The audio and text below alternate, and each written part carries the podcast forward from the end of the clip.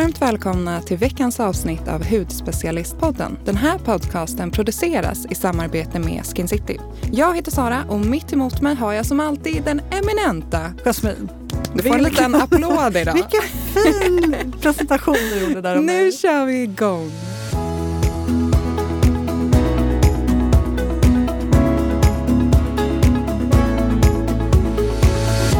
Hur har din vecka varit? Eh, jo, men den har varit bra, Sara. Jag eh, är inne nu på att studentplanera för eh, student nummer två hemma hos oss. Jag, jag tänkte precis säga, hade inte du en student nyss? Ja, men det var två år sedan han tog studenten. Nu är det, är det nästa son som ska ta studenten. Tiden bara flyger förbi. Nej, men jag fattar. Och det är så mycket jobb och man tänker sig- alltså man gör det nog till en större grej än vad det är. Det är ju en stor grej. Absolut. Alltså det är ju en mål eller en milstolpe i livet att ta studenten såklart. Men du vet, jag börjar ju grotta i detaljer som jag, som jag kanske folk inte ens kommer lägga märke till. Eh, så att det har blivit en jätteapparat. Men du vet, tvätta altanen, se till så att det finns, eh, kommer finnas bord och sånt där. Nu är det lite tid kvar, men det går fort. Mm. Så att det är full rulle. Ja, studentplakat har vi beställt och ja, men nu allting liksom börjar ramla in. Massa så grejer. Gått loss på Partykungen och köpt massor med studentgrejer. Gud vad fint. Han kommer bli så glad. Ja, det hoppas jag. Det ska bli jättekul. Men vi är inte ensamma här i studion. Vi har faktiskt en gäst med oss idag. Och det är Håkan Wallström från Clinicar. Du har ju varit här tidigare. Ja. Och vi räknade ut att det var nästan två år sedan. Varmt Precis. välkommen tillbaks. Välkommen! Jättekul att eh, ha dig här. Vad har du haft för dig sen vi såg sist? På två år, ja, vid sidan av en värld som vändes upp och ner så det har väl varit full fart. Eh, vi som bolag har lanserat ett nytt varumärke på den svenska marknaden. Eh, vi har väl fått lite nya produkter i Clinicar-familjen. Eh, så att det har varit, det har varit mycket anpassning till nytt. Mm, så spännande. Mm, vi är väldigt Ja. taggade på det och höra Men mer. vi har, jag tror inte du fick göra det här sist du var här, men vi har en programpunkt som är väldigt uppskattad och det är this or that-frågor. Det är snabba svar eh, och korta frågor. Så jag tänker att vi börjar. Och det här är för att lite lära känna dig. Eh, är du en morgon eller en kvällsperson? Nattperson. Du är en nattuggla. Ja. Du tycker det här är, nu sitter vi i studion klockan 9.30. Det är lite tidigt för dig, eller? Nej, det är det väl inte. Men, men det är väl efter 23 ungefär som hjärnan får jobba ostört och det är då som jag är som mest produktiv. Ja. Jaha, ja, se där. Jag var en nattperson förut. Nu har jag blivit en, eh, ja, ingenting tror jag. Jag går runt och är mest trött hela tiden. Ja, det lät rätt. Ja, strunt i det. Vi går på nästa. Sol eller bad? Eh, sol och bad eller äventyrsresa? Äventyrsresa. Berätta. Fast det blir nog mer åt golf och, och liksom åka bil och titta på omgivningar. Sol och bad är inte min sak alls faktiskt. Nej, härligt. Eh, Okej, om du är, på, du är på ett spa här då. Vill du ha en hårbottenmassage eller en ansiktsmassage? Ansiktsmassage. Mm. Alltså nu blev jag sugen på att gå på spa igen. Ja, Gud vad härligt. Okej, vi går på nästa. Ögonkräm eller serum? Serum. Varför det? För att jag är ganska lat. Så att jag försöker hålla ner antal produkter hela tiden. Så att då blir det de som jag vet gör mest nytta. Och så kör du serumet runt ögonen också. Jajamän. Smart. Bra. Okej, sista här då. Hårvård eller kroppsvård? För kliniker har ju båda. Om du måste välja. Hårvård. Mm. Snabbt svar. Grymt, då går vi vidare tänker jag. Ja, men jag kände ju så här, vi måste prata om pigmenteringar. Det är ju verkligen, det är ju vår nu och snart sommar och det är ofta då de dyker upp i huden. Vi har fått väldigt mycket mejl eh, och frågor om det här. Så jag tänker, du är ju lite av en expert på pigmenteringar skulle jag vilja säga. Sist eh, Håkan var här så pratade vi lite efter inspelning och du, hade ju, du har ju verkligen grottat ner dig i pigmenteringar och är så påläst så jag, så jag kände verkligen att du måste komma tillbaks. Men jag tänker vi tar det här från början. Kan inte du börja och berätta liksom, vad, vad är en pigmentering? Mm. En pigmentering är ju melanin, alltså det, det, det ämne som skapar våran hudfärg, ska vi säga. Som distribueras ut emellan våra celler för att skydda våra celler till del eh, från sol och ljus. Eh, och pigmenteringen uppstår när melaninet inte kan distribueras ut utan att det blir, det blir fastnar i mellancellerna. Eh, och till slut börjar det då gå in i cellerna och det kommer liksom inte vidare så som det ska. Och sen eh, förvärras det här med torr hud, det förvärras med att vi vistas mycket i solen och, och melanincellerna, eller melanocyterna som de heter, eh, blir skadade av för mycket sol och då börjar de överproducera. Mm. Vad är det för skillnad på en hyperpigmentering och en hypopigmentering? såg jag att vi har fått eh, lite frågor om. Hyperpigmenteringen, då har man en överaktiv melanocyt. Hypopigmentering, då är melanocyten så skadad så att den inte producerar någonting alls. Och de vanligaste pigmenteringarna är ju melasma, åldersfläckar och missfärgning efter exempelvis akne. Kan du berätta lite om skillnaderna och och eh, vad det beror på? Man får ta dem lite en och en. Eh, och egentligen skulle jag vilja gå tillbaka lite tidigare och, och säga att problematiken som sker eller det som händer i huden eh, som orsakar att vi får de här fläckarna, det är ju det faktum att när melaninet inte kan distribueras ut i, i mellan cellerna. Eh, och orsaken till det, det är ju den som är liksom själva grunden och det är ju att cellerna, cellmembranen inte är friska. Eh, så att det blir, förenklat kan man säga att det blir för mycket friktion. Melaninet ska ju glida ute mellan cellerna men när huden åldras eh, så sjunker huden ihop lite grann, cellerna kommer lite för nära, det blir lite för lite lipider mellan cellerna och då kan inte melaninet distribueras ut. Så det, det, är ju liksom själva grunden och det är ju det är samma för oavsett vilken form av pigmentering du har eller får. Så melasma till exempel, eh, det är ju en, en hormonstimulerad pigmentering. Den kommer ju från hormonerna och det är framförallt kvinnor efter graviditet som drabbas av den på grund av olika andra hormoner som aktiveras i samband med graviditeten. Bland annat kopparnivåer i kroppen har en jättestor påverkan eftersom koppar eh, och melanin har samma eh, ska vi säga kickers eller eh, har man en för hög eller en för låg? Man har en hög Alltså när man blir gravid så, så eh, ökar kopparnivåerna i kroppen. Eh, koppar eh, oxiderar, melanin oxiderar, så att det här har, det har en likhet. De stimulerar varandra ganska väl. Så det, det, är en typ av pigmentering. Sen, sen har vi eh, pigmentering i samband med akne. Då har vi, då har vi oftast en, en, ett trauma mot huden, alltså med pusteln som, som orsakar press på eh, hudcellen, eller hudcellerna. Vilket gör att det blir torrt, det blir pressat och melaninet fastnar där i själva akneärret kan vi säga. Och då blir det en fläck där. Åldersfläckar, det är ju, eh, ja, det är ju sol, solvanor, livsstil, livsstilsfaktorer. Och det är ju egentligen det som är grunden till det mesta. Eh, för det handlar ju, alltså pigmentsfläckar och pigmentskador, de lägger vi grunden för i tonåren. Sen så blir de synliga i 35, 55, lite beroende på hur man lever på vägen. Men eh, de som gillar att sola och bada, de drabbas mycket, mycket tidigare. Eh, så att, så att, sen har vi solskydd, vi har massa liksom, saker vi kan lägga på men, men i grunden så är det så, vi måste vara försiktiga i solen om vi vill undvika är det lite, man, man brukar ju säga lite så här, huden är som en elefant och kommer ihåg alla dina misstag. Så även om vi säger att du får en pigmentering, du använder bra hudvård och får bort den, eh, då tycker jag att det är väldigt vanligt att man sen går ut i solen kanske och så bums har den kommit mm. tillbaks och så är åtta månaders jobb med den här pigmenteringen lite förgäves skulle jag vilja säga. Eller hur, visst är det så? Den, den är ju underliggande.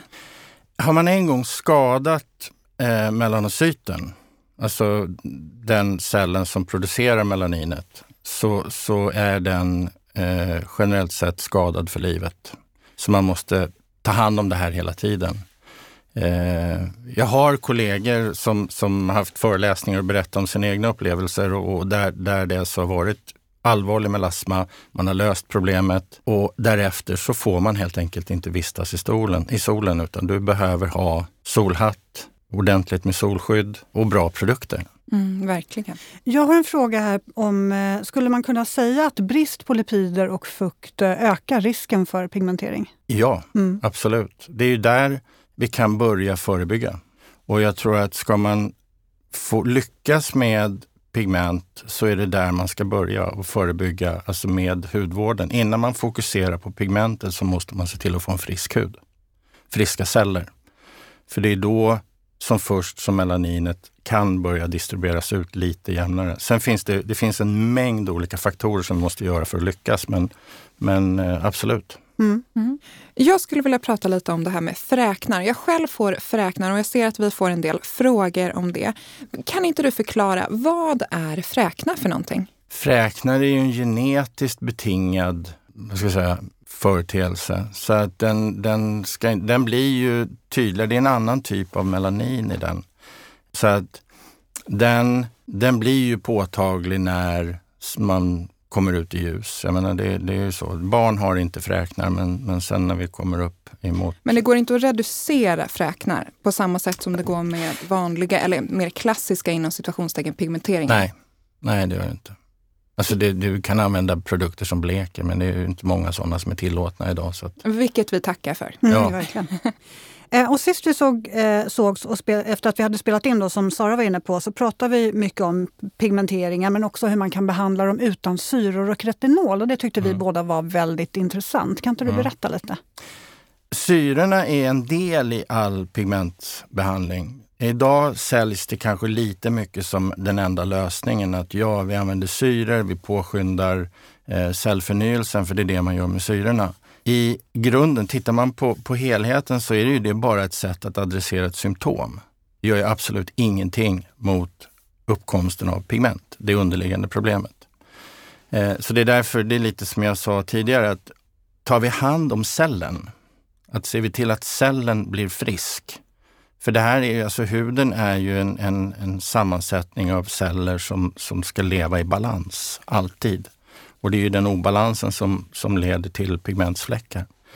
Så att, att ha just lipider, att man får, får bra lipidnivåer eller fettnivåer i huden eh, med, med viktiga fetter och då pratar vi ju framförallt ceramider så, så eh, har man dem där så får man ju en bättre miljö för melaninet att distribueras ut. Fukt, antioxidanter, får ju till slut våra alltså hudceller att bli friska, att membranen blir friska. Och då, får vi, då skapar vi grundförutsättningen för att, att få en, en hud som funkar bättre. Lite, lite jag och mina analogier då, eh, så, så är det så här att om du har en nyspolad is så glider en puck väldigt lätt på det. Har folk åkt skridskor på den här en hel dag så glider inte pucken så bra. Så kan man förenklat säga att melaninet behöver... Den behöver en skridskobana. Alltså den, behöv, den behöver en bra miljö att distribueras ut i. Mm. Det, det, är ju det det handlar om. Så får man ordning på de bitarna så kommer resultatet av pigmentsfokus att gå lättare. Alltså du kommer att nå ett bättre resultat. Men tillbaka till det faktum att en gång skadad melanocyt så måste man alltid ta hänsyn till det. Och det spelar ingen roll vilken typ av pigmentering det handlar om? Melasma eller åldersfläckar eller det finns alltid underliggande? Ja, har de, ja, jag skulle vilja påstå att det, det alltid, har det en gång aktiverats så är de, är de överkänsliga. Och, och, det är ju så här, det är melanocyten har inte, lever ju inte sitt eget liv utan den lever ju i en ständig kommunikation med, med korneocyten, alltså den som bygger själva huden. Och de här cellerna frisätter hormoner som aktiverar varandra och kommunicerar med varandra. Så att det, det, är, de blir ju lite som muskelminnet, precis som du, du nämnde. Att har vi en gång lärt oss att någonting gör ont, då, då undviker vi det. Har vi en gång skadat oss, då kommer ju cellerna att reagera reaktivt på att oj, nu händer det här igen, nu måste vi agera på det här sättet. Mm. Eh, du är väldigt duktig på det här liknelser, älskar det. Och sist du var här så målade du upp en så talande bild med liksom clinicers tankesätt där att man ska vattna gräset istället för att bränna ner det. Jag gillade det här så mycket. Vet du, jag har använt den här jättemycket. Har du det? Ja, och de, de bara, nu förstår jag vad du menar. Ja. Jag, bara, ja, jag skulle vilja säga att jag kom på det själv, men det gjorde jag inte riktigt. Eh, men för alla som är nya lyssnare, kan inte du berätta, vad, vad menar du med det här? För att ta lite, jag gillar att gå till början då. Eh, jag, jag klassificerar hudvård i två delar egentligen. Alltså det ena är den ablativa hudvården och det andra är den icke-ablativa hudvården. Och det här är ju två väldigt komplexa ord. Den ena är ju väldigt normaliserande och den andra handlar om att bryta ner för att bygga upp. Vilken är vilken då för de som eh, lyssnar? Om, om vi tar den ablativa eh, filosofin, då vill vi gärna jobba med syror. Vi vill jobba med, med kraftfulla energier.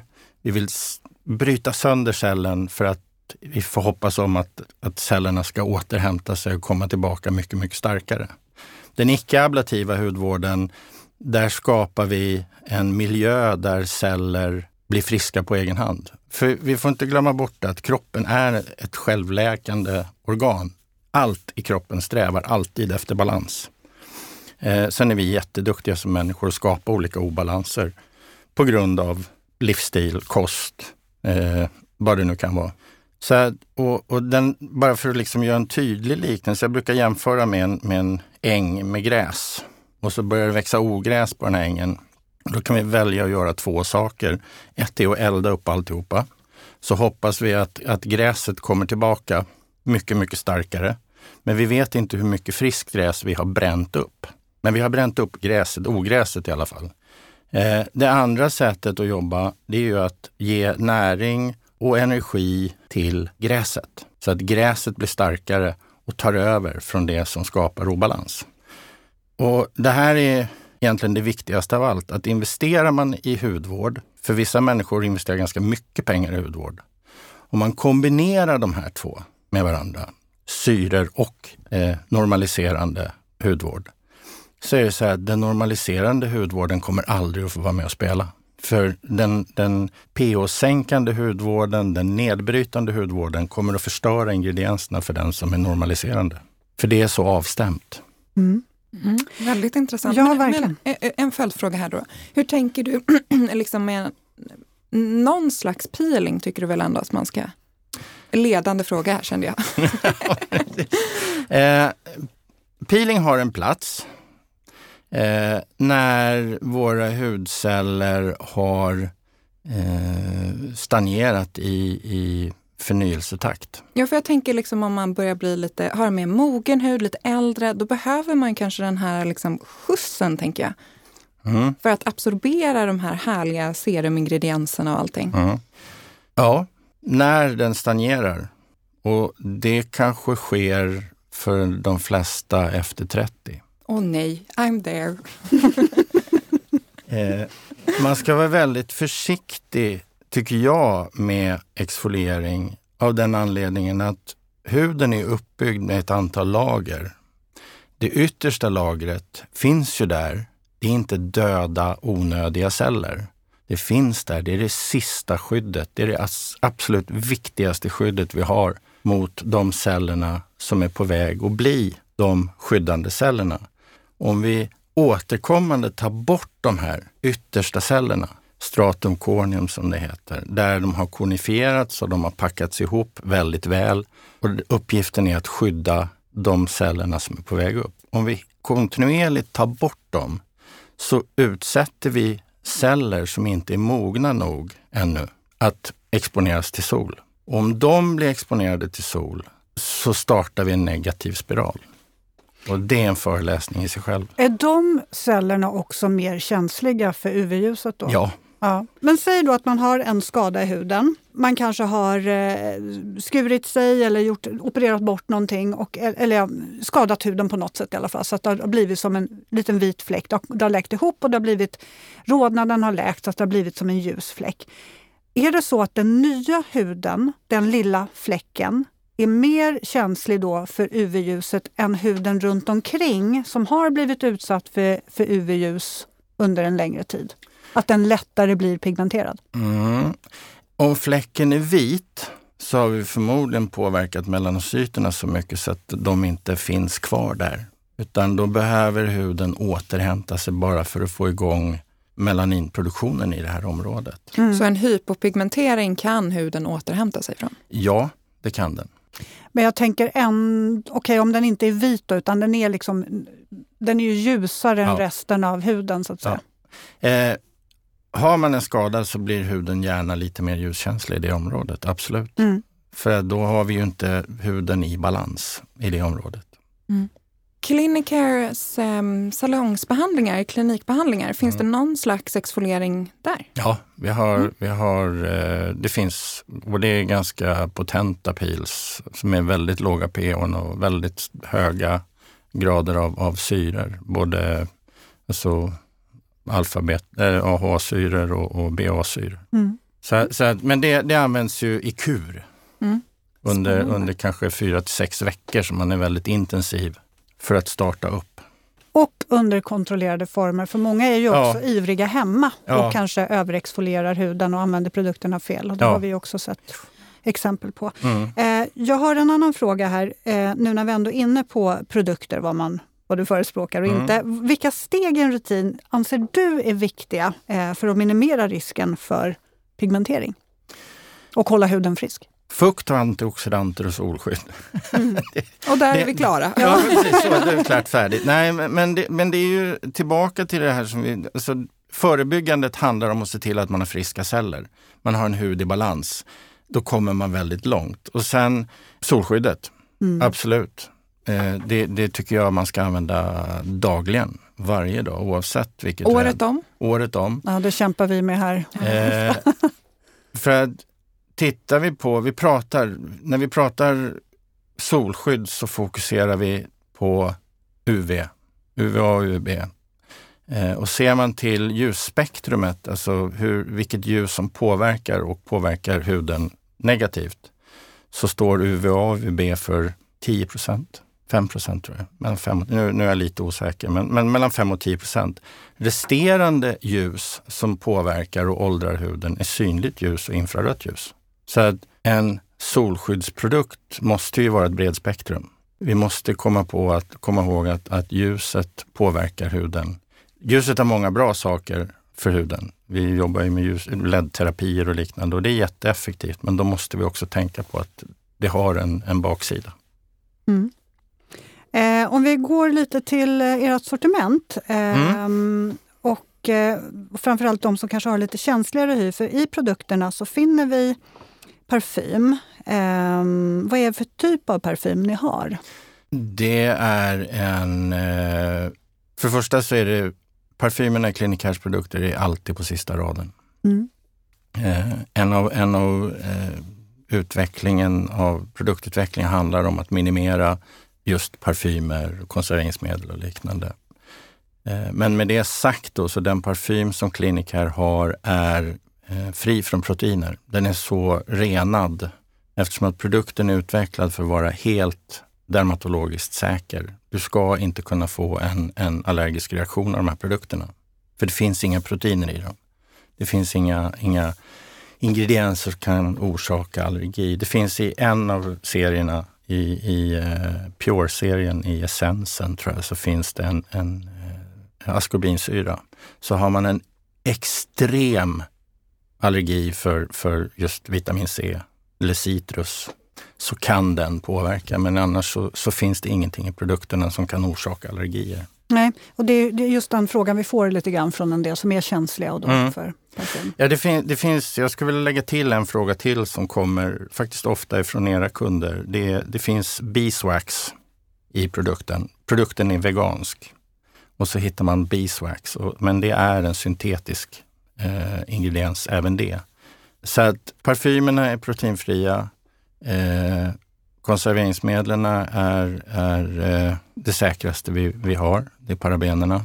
Så att det finns egentligen, oljorna som är i produkterna är helt döda, det vill säga de, de innehåller inte heller några proteiner och kan starta några allergiska reaktioner.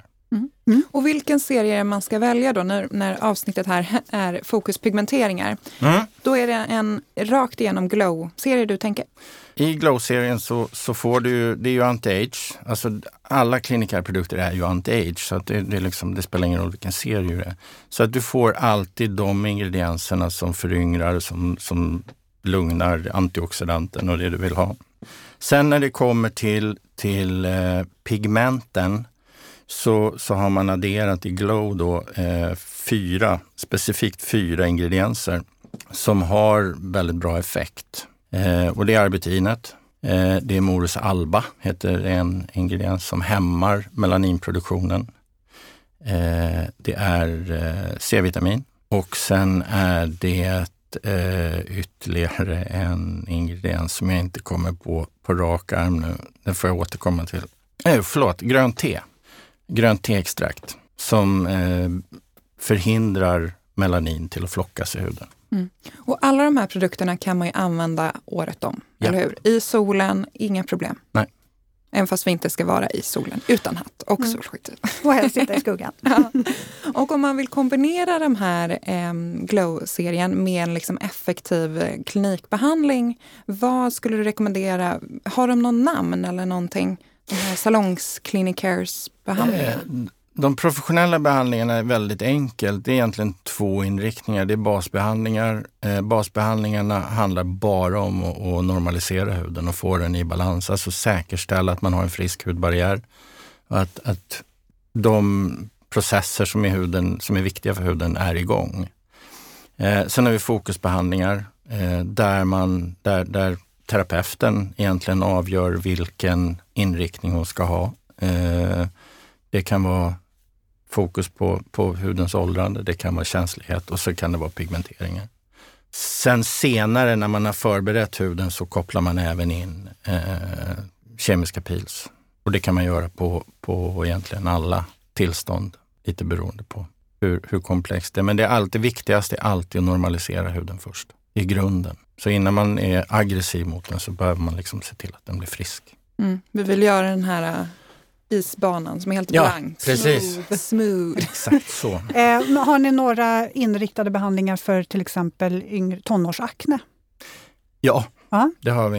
Eh, akne är ju egentligen, det är ju samma där, det är ett avsnitt i sig själv. Eh, men, men här behöver man ju kanske koppla på just milda pils väldigt tidigt för att öppna upp huden, för att få eh, liksom pustler och, och liksom öppna upp så att man inte täpper till mm. eh, tallkörtlarna. Så det finns. Sen är det ju det komplicerade här är ju då att man får inte exfoliera för mycket för då ökar man talgproduktionen utan det gäller att hitta en balans och man ska inte strippa huden. Utan, och där har vi ju då i hemvården så har vi ju Clinicares rengöring. Är ju, det är ju en fettlöse fettrengöring som gör att du inte strippar och att du hjälper till att hålla en balans på talgproduktionen. Mm. Sen är det många andra faktorer i, i akne, eh, medicinska sådana som, som är mycket mer komplicerat.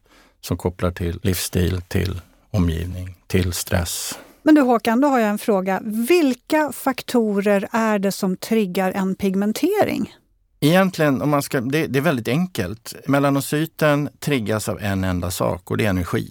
Och energi kan komma i form av ljus, den kan komma i form av värme eller den kan komma i form av fysisk, fysisk trauma. Eh, det är de tre sakerna i stort som triggar i kombination med hormoner. För det får man inte glömma bort att hormonerna är ju som bensin på, på processen kan man säga. Men de kan vi bromsa ganska bra. Men det som aktiverar väldigt effektivt, det är energi. Skulle melasma inte uppkomma då om det inte fanns en kombination av hormoner och ljus? Eh, det skulle bli mildare. Men melasma som sagt var är ett extremt komplext tillstånd just för att det är kopplat till kvinnliga hormoner och framförallt i relation till graviditet.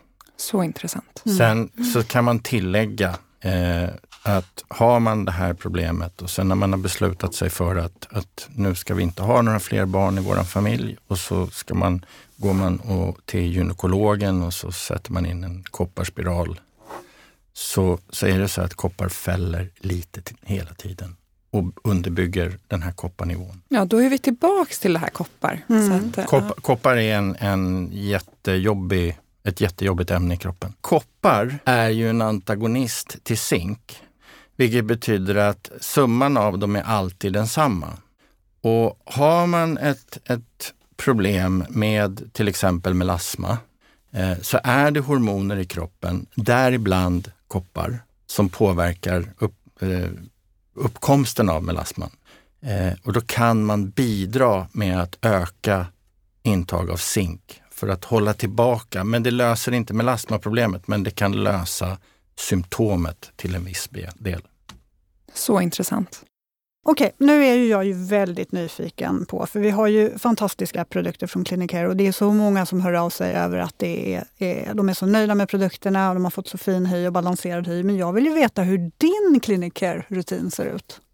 Jag använder rengöringen.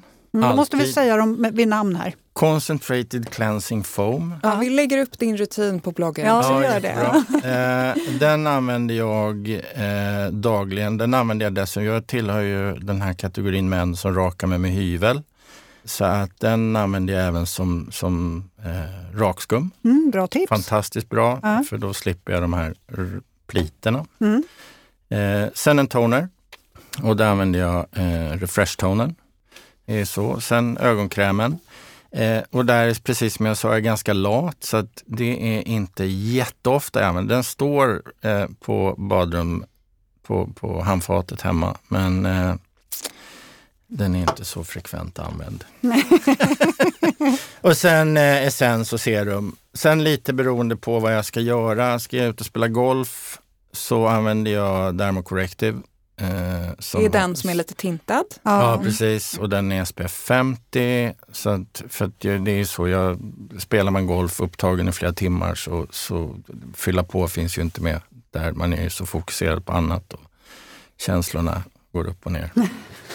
eh, men, men en vanlig dag på jobbet så använder jag Sunshield creamen.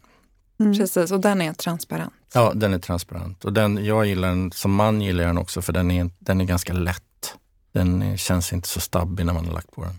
Alltså jag känner på rengöringen här och den är ju verkligen, jag kan förstå att den är skön att raka mm. eh, huden för den är verkligen så balmig på något vis mm, men ändå mm. den är lite rik, rikare. Väldigt mm, skön. Mm. Mm. Det ska ju säga, den här rengöringen är ju, om man tittar på innehålls, alltså inken på den, så är det ju den, det är ju den produkt som innehåller nästan mest ingredienser av alla produkter. Så, så för en tonåring så är det här eh, kanske en av de smartaste produkterna de kan använda. För den är lugnande, den, den gör rent. Eh, för att få tonåringar, framförallt eh, vissa kategorier av tonåringar, eh, är svårt att få in dem på en större rutin, även fast de har problemet. Och då kan rengöringen i sig bara räcka. Mm. Jag känner igen det där. Studenten hemma, han, eh, han har ju fortfarande lite problem, eh, hy. Och eh, jag ger honom produkter och det är väldigt få steg. Mm. Och så tittar man på honom. Nu har du ju inte smort in dig på morgonen nu igen. Nej, säger han. Nej. De är ju hopplösa. Mm, mm. Och då kan det räcka med bara rengöring. Det är svårt att få tonåringar. Och, eh, jag, har, jag har egna erfarenheter av det mm. också. Man har fyllt upp och sagt varsågod. Så står det där, som så din stackars ögonkräm. Det, det ja, står så fint på, på hans, han har ett eget handfat, han har ett eget badrum, han har grejerna där. Ja. Och det står uppställt. Mm. Han borstar tänderna, det är han väldigt noga med. Mm. Men eh, mm. hudvården, jag vet inte vad det är. Han har ju en mamma som är där med piskan. Ja. Pro, prova ställ bara den där så ska vi se. Ja. För det kommer att hjälpa väldigt mycket. Toppen, jättebra. Mm. Ja, spännande. Tack Håkan att du gästade oss idag. Jätte, jätteintressant verkligen. Vi kommer, ni får mejla oss på poddet.hudspecialisten.se om ni har några frågor, funderingar, kanske om pigmenteringar eller vad som helst. Eh, kanske kommande poddavsnitt, mm. tips. Vi finns som sagt där. Ni hittar oss på bloggen Hudspecialisten, på Instagram med samma namn och sen så hörs vi nästa vecka. Ni får ha en fantastisk helg.